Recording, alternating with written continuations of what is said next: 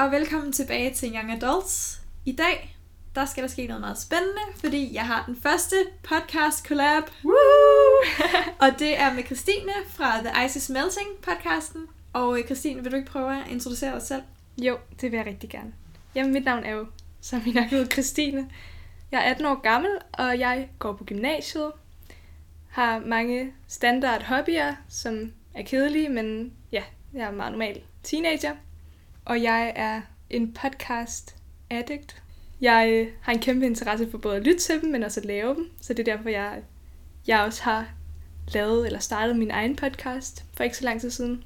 Det hedder The Ice is Melting, som ja, tager udgangspunkt i klimaet, hvordan det er at være ung i klimakrisen. Hvordan man skal forholde sig til alle de her aspekter af den, som der jo er. Ja. Og, øh, og det er faktisk også klima, det skal handle om i dag, fordi i dag der skal vi snakke om øh, Thijs Ørntofs Solar, og vi vil dykke lidt ned i, hvad hedder det, klimalitteratur, og hvilken forskel det egentlig gør for, for hele den her klimakrise, som, som vi er i. Ja. Øh, men før vi kommer for godt i gang, så jeg tænker jeg, det også kunne være nice øh, lige at høre fra dig, sådan, hvad dit forhold er til, til klimakrisen. Hvorfor er det overhovedet relevant, at vi sidder her og laver sådan et afsnit? Jo, øhm, jeg tror for mit vedkommende startede min sådan interesse for klimakrisen faktisk lidt sådan i 8. og 9. klasse. Det startede med, at vi havde sådan nogle naturfagsprojekter i skolen, ret røvkedelige, men de havde sådan lidt at gøre med klima og den sådan CO2-udledning, mennesket forårsager. Og jeg tror, det var ikke fordi, jeg sådan der tænkte, wow, nu går jeg all in på at interessere mig for klimaet. Men det var ligesom der, der blev vækket et eller andet, sådan en bevidsthed i hvert fald. Fordi indtil da havde jeg altså overhovedet ikke tænkt over, hvor mange ting i ens hverdag, der ligesom har en effekt på klimaet. Og så begyndte jeg også der omkring 9. klasse at interessere mig mere for politik. Jeg meldte mig ind i et ungdomsparti, og så blev det også mere politisk, at man blev sådan introduceret til nogle emner, som pludselig føltes helt vildt vigtige. Altså for eksempel klimaet, fordi jeg, så handlede det ikke længere bare om sådan, okay, stiger temperaturen. Så handlede det om alle de konsekvenser, det har, at temperaturen stiger.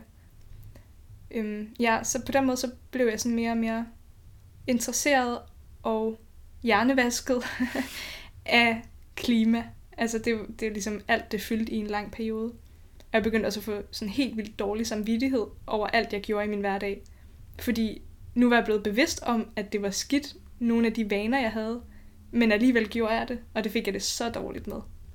Øhm, og nu er jeg sådan lidt nået til et punkt, hvor jeg føler, at jeg har sådan lidt mere afslappet tilgang til klimaet og klimakrisen.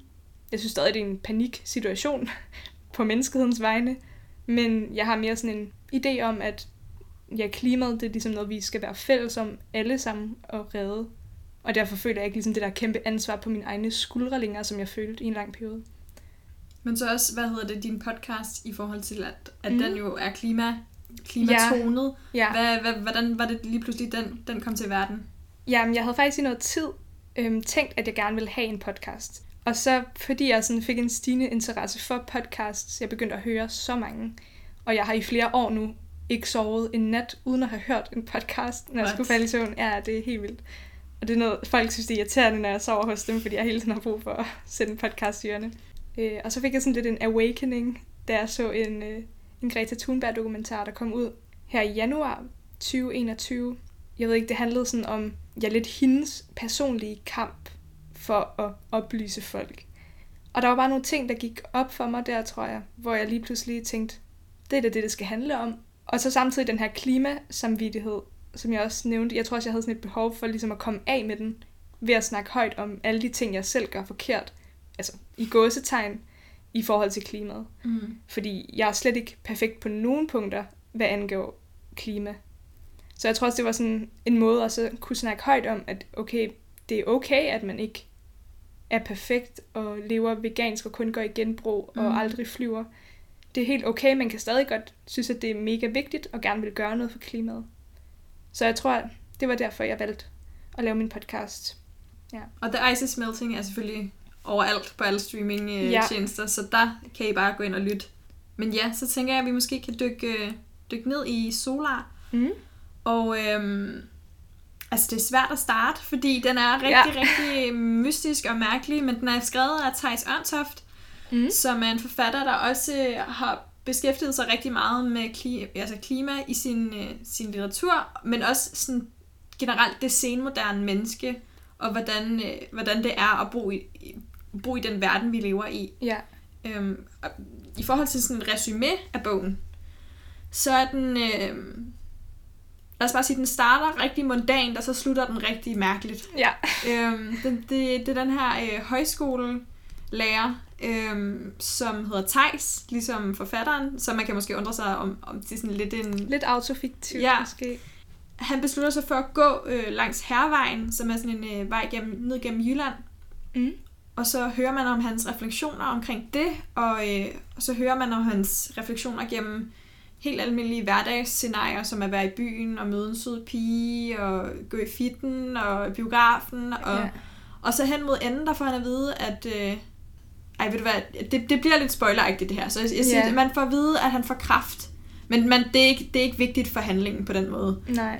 Øhm, og så blaffer han, altså slår han op med sin kæreste, eller det ender i hvert fald dårligt. Ja. Øhm, og så, så blaffer han ned gennem, ned gennem Europa, og så går det bare helt i opløsning. Ja, det, det er godt nok sindssygt til sidst. Ja. Hvad, hvad var dine sådan indledende tanker om bogen? Altså, jeg tror, da jeg først hørte, altså sådan begyndt at... Jeg lyttede jo til den som lydbog. Og i starten, der tror jeg, at jeg... Altså, jeg synes, det var sådan en meget essayistisk måde på Mm. altså at skrive på, fordi det var ikke fordi, der blev præsenteret helt vildt meget handling. Det var helt vildt meget sådan refleksioner over de ting, der skete.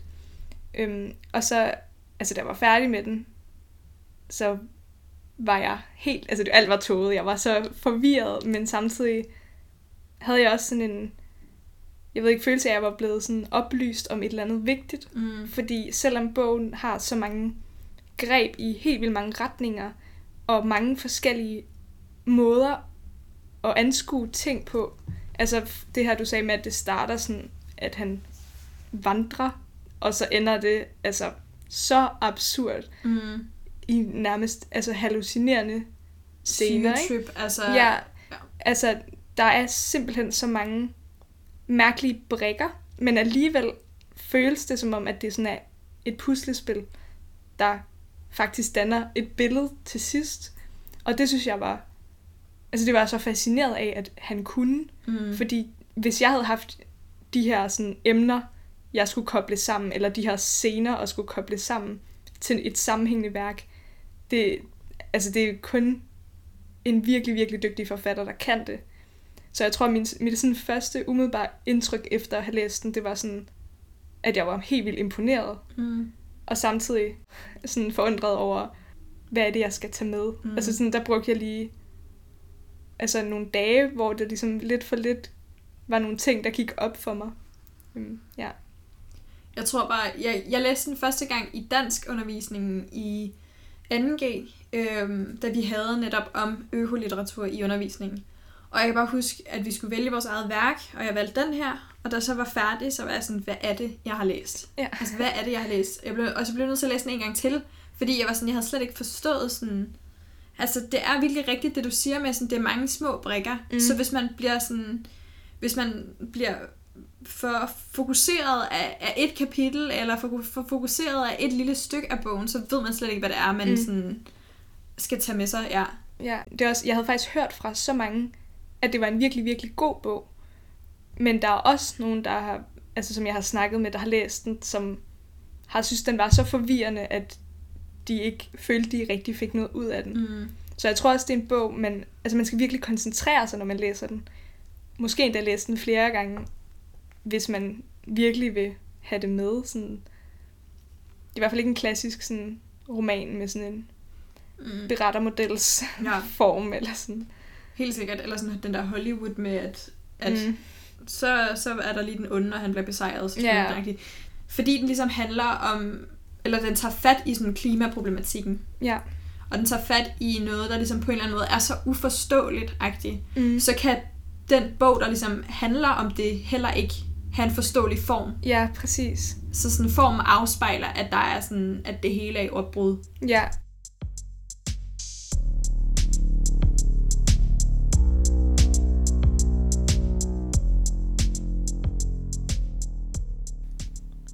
Jeg ved ikke, hvordan tøj bliver syet. Jeg ved ikke, hvor tekstilerne kommer fra.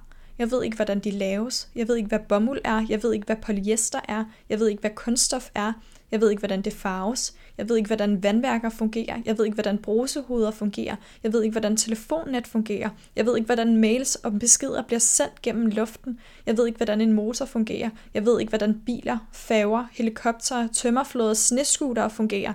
Jeg er en abe, spundet ind i civilisationens teknologi, og hvis systemet brød sammen, ville jeg være hjælpeløs fra det ene sekund til det andet. Solar, side 72.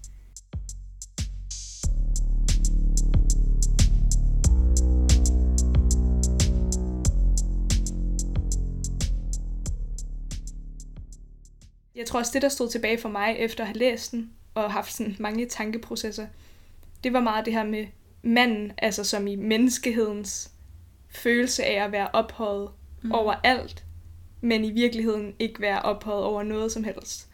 Fordi når jeg har tænkt over det, jeg har skrevet sådan nogle forskellige steder, jeg lagde mærke til ned i bogen, og i starten så skrev jeg dem bare ned, selvom jeg ikke var helt sikker på, hvad de egentlig betød. Men når man sådan ser dem sammen, så kan man se lidt et mønster i, at han observerer rigtig meget situationer, hvor mennesker måske føler sig som, som herre over alting, men som også lidt er nogle røvhuller, der har infiltreret alting. Altså, det første, jeg skrev ned, det var sådan lidt i starten, da han stadig var på den her hervejen, og gik og vandrede. Og så, det var sådan, ja, meget tankeprocesser, han havde her, hvor han lagde mærke til ting, og så kom der sådan en lang tankestrøm. Øhm, og der var på et tidspunkt, hvor han snakkede om rapsmarker, hvor han snakkede om det her med forskellen mellem kultur og natur. At natur, det ser vi alle som sådan noget uberørt, noget, der er for sig selv, noget, som ikke er blevet påvirket eller er under indflydelse af mennesker. Men så kommer han ind på, at naturen også er noget, vi ligesom har haft en kæmpe indflydelse på, han snakker om genmodificerede rapsmarker. Mm. Øhm, det her med, at jamen, de er jo ikke deres eget. De er også under indflydelse af os mennesker. Og jeg tror, det er sådan det første store perspektiv, han kommer med, tror jeg, sådan på, hvordan vi mennesker har påvirket alt i den her verden. Og at er der overhovedet noget som i den her verden, som vi ikke har lidt rørt har ved, rørt. Ja. ja det, det fik mig til at tænke, fordi jeg har da også altid tænkt, at at gå i skoven, det er jo den ægte natur ja. og sådan noget, ikke? Men, men man stiller lige pludselig spørgsmålstegn ved, okay, er der overhovedet noget, mm. der er uberørt i virkeligheden? Der er også et tidspunkt, hvor han nævner en så lang passage med, jeg ved ikke, hvad honning og mælk er, jeg ved ikke, hvad, altså sådan, så mange ting, han nævner, at han ikke ved, hvad er, og ikke forstår, hvordan det fungerer. Og jeg tror også, det lidt viser det der med, at vi har skabt så mange ting for os selv, der gør, at vi slet ikke behøver at investere noget som helst energi eller sådan nogle tanker i, hvordan det egentlig er lavet, hvor det kommer fra. Og det er også det, der gør, at vi måske har en lidt arrogant tilgang til den her klimakrise. Fordi vi er så, i vores vestlige verden i hvert fald, heldige, at der er så mange ting, der bare bliver serveret på et sølvfad for os, og som vi er vant til bare er der. Så at forestille os, at det er noget, der skulle laves om på, det, det kan vi slet ikke, og det har vi ikke lyst til. Øhm, så jeg tror, det er også noget af det, han ligesom prøver at pege som en kritik i hvert fald. Og den er enormt samfundskritisk, men jeg synes også, det er interessant, at, som vi sagde lige før, det der med, at, at hovedpersonen hedder Tejs. Ja. Altså, det er jo biografisk, men at det også på en eller anden måde er sådan en løftet pegefinger mod sig selv. Ja. At man kalder hovedpersonen Tejs, og så gør ham så langt ude. Ja, præcis. Ja, fordi man kan jo... Altså, det er jo en ret blottet person. Altså, der er jo en scene lige omkring, hvor han slår op, eller hans kæreste slår op med ham i hvert fald, hvor, hvor han snakker om, at til sidst så mistede hun også al respekt for ham. Og hun så ham en dag sidde inde i et skab og onanere, og der var hun bare... Altså, så var det ligesom slut der, ikke? Mm. Så han udstiller jo også sig selv, i hvert fald i en grad, fordi det at give hovedpersonen navnet Tejs, når han selv hedder Tejs, er ret sigende. Så på den måde, selvom man måske i starten i hvert fald kan få indtrykket at han er lidt arrogant og sådan gerne vil pege fingre af andre. Så det er både en meget personlig bog, men også en meget sådan samfundskritisk Kritisk, bog. Ja. Men jeg synes også det, at han er så, altså som du siger, sårbar i bogen, at, at Thijs, altså øh, hovedpersonen Thijs, han ligesom på, føler sig meget øh, magtesløs og mm. fremmedgjort fra sin sam, sit samfund. Det gør, altså det, det afspejler på en eller anden måde også den der følelse af, at når klimakrisen er noget, der er så stort, at man, man kan ikke forholde sig til det. Man mm. føler sig så lille. Ja. Altså, man tør ikke tage ansvar, fordi man ikke... Altså, man kan... Ja, ja, præcis. Det er lidt et billede på, at man ved ikke helt, hvor man skal stå. Man føler sig så lille i sådan en kæmpe krise. Men det er, altså, vi kastede os bare direkte ud i sådan en øh, økolitterær mm. læsning af bogen, men, ja. men den handler jo ikke om klimakrisen. Nej, det gør den nemlig altså, selve handlingen har jo ikke noget at gøre med klimaet som sådan. Jeg tror ikke engang ordet klimakrise bliver nævnt en eneste gang i Men det er sjovt, at, at vi bare instantly tænker, Ja, at man fordi det gør det. man virkelig. Ja. Altså jeg føler, nærmest alt kan man koble på noget klima-relateret. Ja. Øh, men der er jo også, altså i virkeligheden er der jo så mange andre temaer, man også kunne tage fat i. Mm. Øhm, og det er jo på en eller anden måde en personlig rejse igennem altså sådan en magtesløshed mm. og en mm. måske at være gået lidt i stå i sit liv, føle sig meget sådan ja, måske være et sted i livet, hvor man føler, at man burde have styr på alting, og burde have kone og børn, og et arbejde, men det har man ikke. Og det er lidt den der sådan restløshed, han oplever. Mm. Det kunne man jo også, altså det er jo også sådan noget, den tager op. Mm. Men måske også en sådan en generel, der er en generel undergangsfølelse mm. i bogen. Altså en ja. følelse af, at alt kan bare være lige meget, og at, at vi kan ligesom, at han som hovedperson kan bare gå til grunden, fordi alting går snart til grunden. Ja, præcis. Og ja, man, jeg synes også, man føler, at hele bogen er et langt fald ned i en afgrund. Mm. Altså sådan føles det virkelig, synes jeg, når man læser den, at han er egentlig bare på vej downhill. Ja. Og det er også, det er jo også lidt det, man føler med klimakrisen. Altså, at det er også der, vi er på vej hen. Så man kommer nemt til ligesom at koble det til hinanden. Hans sådan personlige rejse. En anden ting ved den her bog, det er, at den er... Altså, det er både det, der gør den meget, meget forvirrende at læse, men også virkelig, virkelig fed. Det er, at den er sproglig rigtig, rigtig flot skrevet. Mm. Altså, der er... Det, sætningerne er jo sådan usammenhængende, men meget poetiske. Altså... Ja, man, man kan godt mærke, at han også er en digter. Ja. Det, især det her afsnit, jeg fortalte om før, hvor han nævner, jeg ved ikke, hvad XX er, mm. og jeg ved ikke, hvordan det her fungerer. Jeg synes, det var så flot, fordi det var, det var nærmest ligesom sådan en prosa-tekst. Og det er sjældent, man læser en roman, hvor der er så meget poesi i os på en måde. Det var jeg også virkelig sådan, det synes jeg virkelig var vildt og flot, altså også især at lytte til, fordi mm. jeg jo hørte den på lydbog. Ej, det skulle jeg have gjort, ja. Ja, det kan man jo gøre. Altså, den er i hvert fald der er også nogle ting, man måske ikke får lige så meget med, som når man mm. læser det, men sådan rent at høre sproget, det var virkelig flot, synes jeg. Hvor det sådan andre romaner, det er jo tit, altså sådan normal skønlitteratur, der er det måske ikke sproget, der, eller i hvert fald sprogets udtryk på den måde, mm. der er mm. det vigtigste, fordi der er der ligesom en handling, som det hele kredser om, og det er vigtigt, at den her handling bliver drevet fremad. Her der kan man mærke, at der ligesom til hvert ord blevet givet en tanke. Mm. Og det synes jeg er vildt i en roman. På forhånd havde jeg det meget sådan en positiv holdning til Thijs Ørntoft, fordi jeg havde læst nogle af hans digte. Og jeg kan ret godt lide hans måde at skrive på. Så på, på forhånd var det, havde han pluspoint. Men jeg var også virkelig, altså jeg synes, det var en helt vildt god bog. Altså, jeg tror, der var nogle scener undervejs, nogle af de her festscener og sådan noget.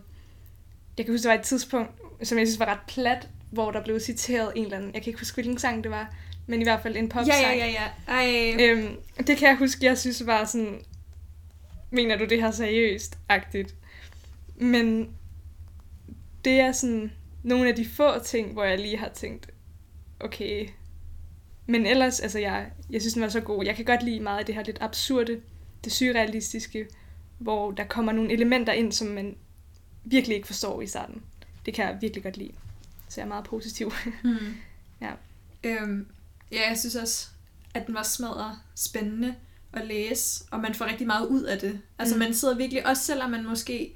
Jeg synes nogle gange kan det godt være lidt svært, hvis... Eller sådan, sådan poetisk litteratur kan på en eller anden måde også godt blive lidt elitært nogle gange. Mm, Men jeg og føler, meget præsentøst også. Ja, jeg føler, at her der er det meget, fordi det er så mundant, Mm. Det er Mm. sådan de ting, han beskriver. Mm. Øhm, så kan man ligesom, alle kan følge med, om alle kan godt lidt forstå den store metafor, altså klimametaforen, er ligesom hele tiden præsent. Ja.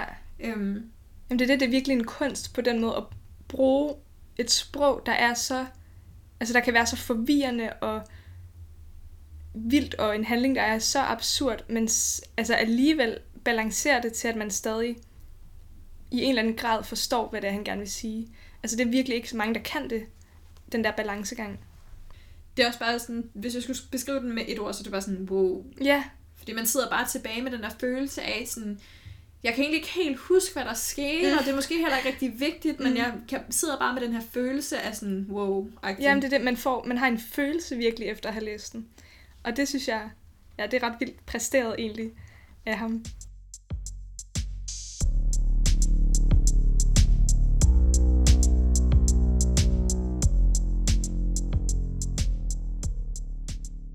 Så hvorfor havde mennesket overhovedet forsøgt sig med kunst i udgangspunktet, når nu den var overflødig fra starten, til evig tid overgået af naturen? Solar, side 196.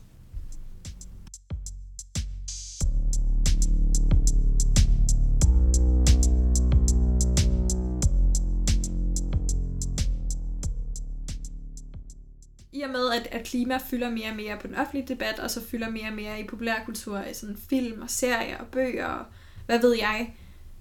Altså spørgsmålet er så bare, nytter det noget? Altså nytter det noget, at, at vi skriver mere om klima? Tror du, at det gør nogen forskel for, at man har lyst til at ændre adfærd, eller gøre noget i forhold til klimakrisen, at man læser sådan noget som det her? Altså, jeg ved ikke, om det har sådan en direkte effekt, altså på min adfærd. Det tror jeg ikke, det har.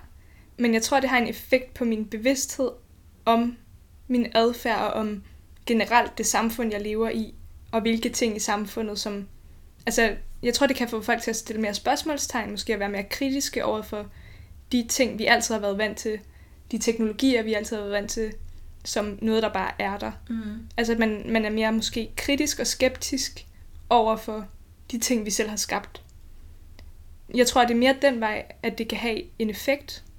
Fordi sådan direkte på min adfærd, jeg tror ikke, det er sådan, at nu, nu går jeg hjem, og så ændrer jeg alle ting, jeg gør i min hverdag, mm. Mm. efter at have læst den. Og det tror jeg måske heller ikke er formålet med den. Ja. Men jeg tror, at den her slags litteratur er helt vildt god til at bevare en bevidsthed sådan om klimaet. Og om en bevidsthed om vores indvirken på alting. Altså den her... Fordi det er også en kommentar til, at vi føler os så on top of everything. Så jeg tror også, det er lidt sådan noget til lige at hive os ned på jorden igen. ja. Den udfordrer ligesom den der privilegieblindhed, som man Ja. har haft. ja præcis. Men ja, det er også interessant, at du siger det der med, sådan, hvad formålet er. Og jeg har også overvejet, er Solar en roman, der ligesom at der er skabt, fordi han havde brug for, altså Tegns Ørntoft havde brug for, ligesom et, et outlet-agtigt, mm og bare sådan at kunne skrive om, hvordan det er at være et senmoderne menneske i en senmoderne verden, og at have den her klimakrise, der ligesom hænger over os alle sammen. Øh, eller, eller havde han en, en agenda med den? Mm. Jamen det er det, men det har jeg også undret mig virkelig meget over, fordi altså der er jo nogle forfattere, som skriver, fordi de bare ikke kan lade være. Altså de har ja, et outlet, det skal bare ud. Det, teksten ryger nærmest ud af dem, ikke? Og så, og så er der også nogen, der mere har det her med, at de sætter sig noget for, at der er noget, de gerne vil sige. Og så skriver de ligesom ud fra den tankegang. Og jeg har også svært ved at se helt, hvilken en af de to det er, eller om det er en af de to.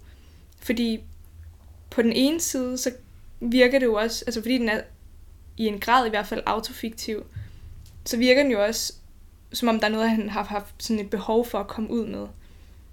Noget personligt også, men måske lidt kamufleret i hele den her klimaagenda.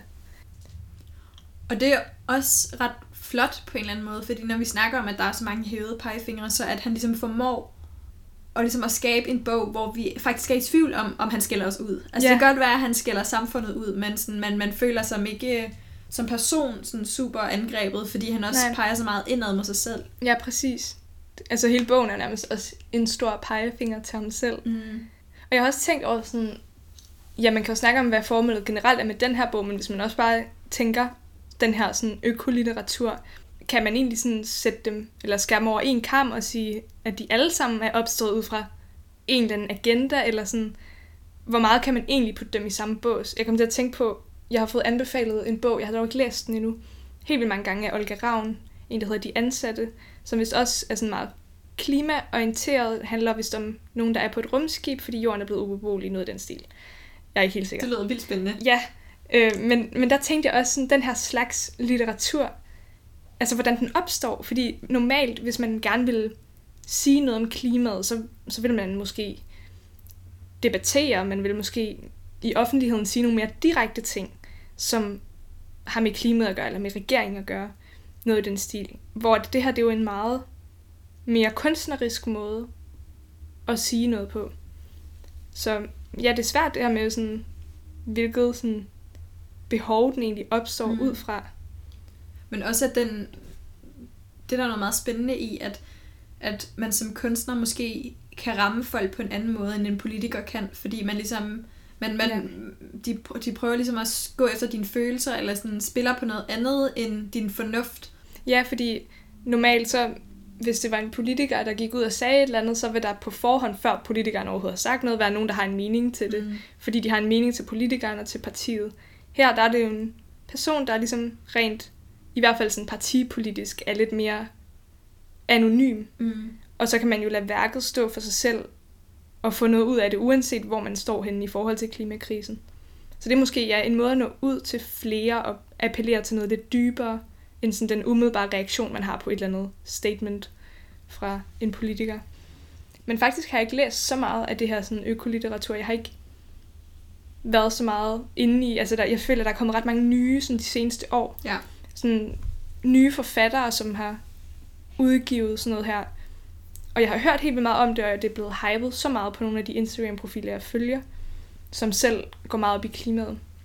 Så jeg føler, at det er sådan en voksende ting, altså noget, der bliver meget, meget større. Synes du, man har et ansvar, altså som kunstner, for at, ligesom at, at prøve at nå folk på den her måde, og at skrive om emner, der er højaktuelle, som klimakrisen? Jeg synes, det er et helt vildt svært, men mega godt spørgsmål, fordi jeg tror, min umiddelbare sådan, opfattelse af det at være kunstner, ser jeg som et slags kald mere end et fag. Mm. Altså, det, at man er kunstner, det er noget, der kommer, fordi man er det. Altså, det, mm. det er ikke et job, det er noget, man er. Og derfor synes jeg, det er svært at skulle putte ned over nogen og sige, så synes jeg, du skal tage fat i det her og mm. det her. Men jeg synes, det er virkelig fedt, at der er nogen, der gør det. Fordi altså den her roman i hvert fald har haft en kæmpe sådan, fået mig til at tænke helt meget. Men jeg, jeg tror ikke, jeg vil gå så langt som til at sige, at jeg synes, der er et ansvar, men jeg synes helt klart, at altså som mennesker, som kunstnere jo også er, så synes jeg, at det er vigtigt, at man forholder sig til de ting, der foregår omkring en. Og det gør måske også, at hvis man gør det, så har det selvfølgelig også en indvirkning på den kunst, man laver. Mm. Men samtidig, altså det er jo også så forskelligt, hvordan kunstnere arbejder. Der er der sikkert også nogen, der siger, nu tager jeg fat i det her, og så ser jeg, hvad der kommer ud af det. Mm. Altså hvor man mere aktivt opsøger det, der skal inspirere en. Hvor jeg tror, der er nogen, der ligesom... Altså hvis man sammenligner med en digter, sådan det der klassiske punkdigter, altså Michael Strunge og sådan mm. noget, det, det tror jeg da helt klart mere er meget pludselige indskydelser, der har været, der har ligget til grund for de digte, der er kommet ud af det. Hvor jeg synes, der er ret mange digter i dag, altså også sådan en som Kasper Erik, mm. hvor man kan mærke, at det er jo også fordi, der, der er noget, der bliver tænkt over på mm. forhånd. Mm. Altså der er ligesom, det er jo også meget sådan samfundet, hvordan er jeg i samfundet. Der er mange store tankeprocesser bagved, hvor der tror jeg, der er lidt der sket en udvikling i, hvordan man i hvert fald skriver der er også klart sket en udvikling i, hvordan man formidler klimakrisen, fordi jeg synes, klimakrisen var jo noget, der blev skildret gennem dokumentar. Altså mm. sådan der naturdokumentar på en eller anden måde. Det var sådan lidt altså en begrænset til det, eller sådan, hvis jeg tænker klima, så tænker jeg, okay, ja, naturgeografi i folkeskolen, og man ja, ser præcis. de der uh, voldsomme isbjerg, der bare falder ned og drætter ned, og stakkels isbjørn, der dør og sådan noget. Men at man her ligesom i, i litteraturen får en anden måde at, at anskue det på. Ja, jeg tror også, det er fordi, det altså, er ligesom blevet så stor en del af alles bevidsthed. Altså hvis man tænker på 2. verdenskrig, der findes jo også så meget krigslitteratur. Altså det er også, klimakrisen er blevet noget, man ikke kan undgå at forholde sig til på en eller anden måde. Og derfor så kommer det selvfølgelig også til at have en indflydelse på litteraturen. Og jeg tror også, det er meget af det, der ligesom... Jeg tror, at grunden til, at der der er flere og flere, der begynder at skrive om det. Fordi man, man bliver jo bare nødt til at forholde sig til ting, der er så store, som klimakrisen er. Og ting, der fylder så meget. Og jeg tror også, der er opstået sådan et behov måske for nogen, for rent faktisk at forholde sig til den. Og det er også det, du siger med, når man har en platform, så har man også lyst til at bruge den. Og så har han jo så valgt at bruge den sådan her, som jeg synes er en virkelig fin og sådan meget raffineret måde at beskrive noget så stort og kaosagtigt, mm. som, som klimakrisen jo er. Ja. Men jeg synes også, det er sjovt at se, sådan, hvordan, hvilket take man tager på det som, som kunstner. Altså noget, om, om det skal være meget sortseende, eller meget positivt, og man skal sådan og man skal fokusere på de gode ting i naturen, og at hvor meget vi kommer til at savne dem, når, når, når det ja. hele bare brænder, eller om man skal fokusere på alle de negative ting ved klimakrisen, klimaflygtningen, død og ødelæggelse, altså om man er positiv eller negativ. Ja, jeg synes, det er svært, fordi hvad virker egentlig? Ja. Jeg har prøvet at tænke på, sådan, hvad virker på mig, fordi jeg kan også godt blive provokeret, altså lidt på, på sådan en linje med det her, hvis man ser sådan en Plan Børnefonden kampagne i fjernsynet. Det er jo ikke fordi, at man ikke af hele sit hjerte gerne vil ønske, at altså, det var bedre for de her børn, man ser. Men det er jo også bare sådan en virkelig hård måde at appellere til folks følelser mm. med at vise så barske billeder, og på den måde placere sådan en kæmpe samvittighed og skyldfølelse hos den, der ser det. Ja. Så på den ene side, så den her negative måde at anskue det på, kan jeg godt synes er lidt provokerende, men samtidig tror jeg også, den er lidt nødvendig, at man ligesom med sine egne øjne får at se, hvor slemt det er og kan blive, mm. hvis man ikke gør noget. Men samtidig, at man også har det positive med, det tror jeg er meget vigtigt til, at man sådan bevarer en eller anden form for håb, og ikke bare ja. føler, at, at det er alligevel lige meget. Ja.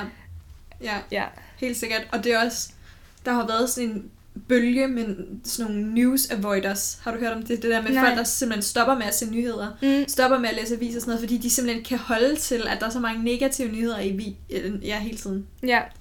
Jamen, det giver også god mening, fordi jeg har det også nogle gange selv syntes, at altså for eksempel her under corona, mm. når man har tændt for nyhederne, handler det, altså har det altid handlet om corona. Det er jo klart, fordi det er jo ligesom det største mm. indgreb i vores hverdag i altså årtier, det er jo mm. crazy. Så på den måde er det jo helt berettiget, at det fylder så meget. Men man kan også få sådan et overload ind ja. i, at man forholder sig så meget til det hele tiden. Det er i forvejen noget, der har en stor indvirkning på alt, man gør i sin hverdag. Når man så tænder for nyhederne om aftenen, så er det også det, det handler om. Så på den måde tror jeg, at det er virkelig en balance mellem, at man ikke får for meget. Ja, ja. Jeg tror, der er nogen, der også godt kan blive skræmt væk af sådan den helt kolde, hårde konfrontation. Og jeg tror virkelig, jeg er en af dem. Altså, jeg bliver virkelig blind over for, for altså, klimaopråb nogle gange.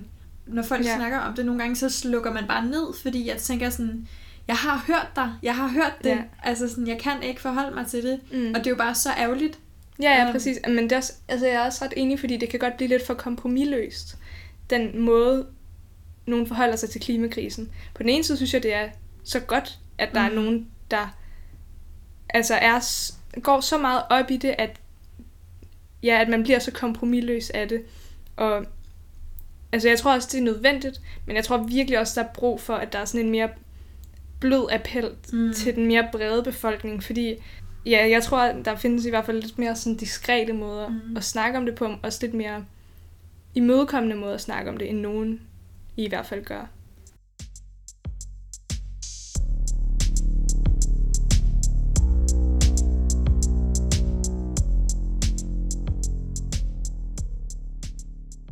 Det var det for dette afsnit af jeres. Med i studiet, der havde jeg altså Christine Kruse. Tak igen, Christine, for at du gad være med. Det var så fedt at tale med dig. Og kæmpe anbefaling fra mig til alle jer derude om at skynde jer at hoppe ind og lytte til Christines podcast.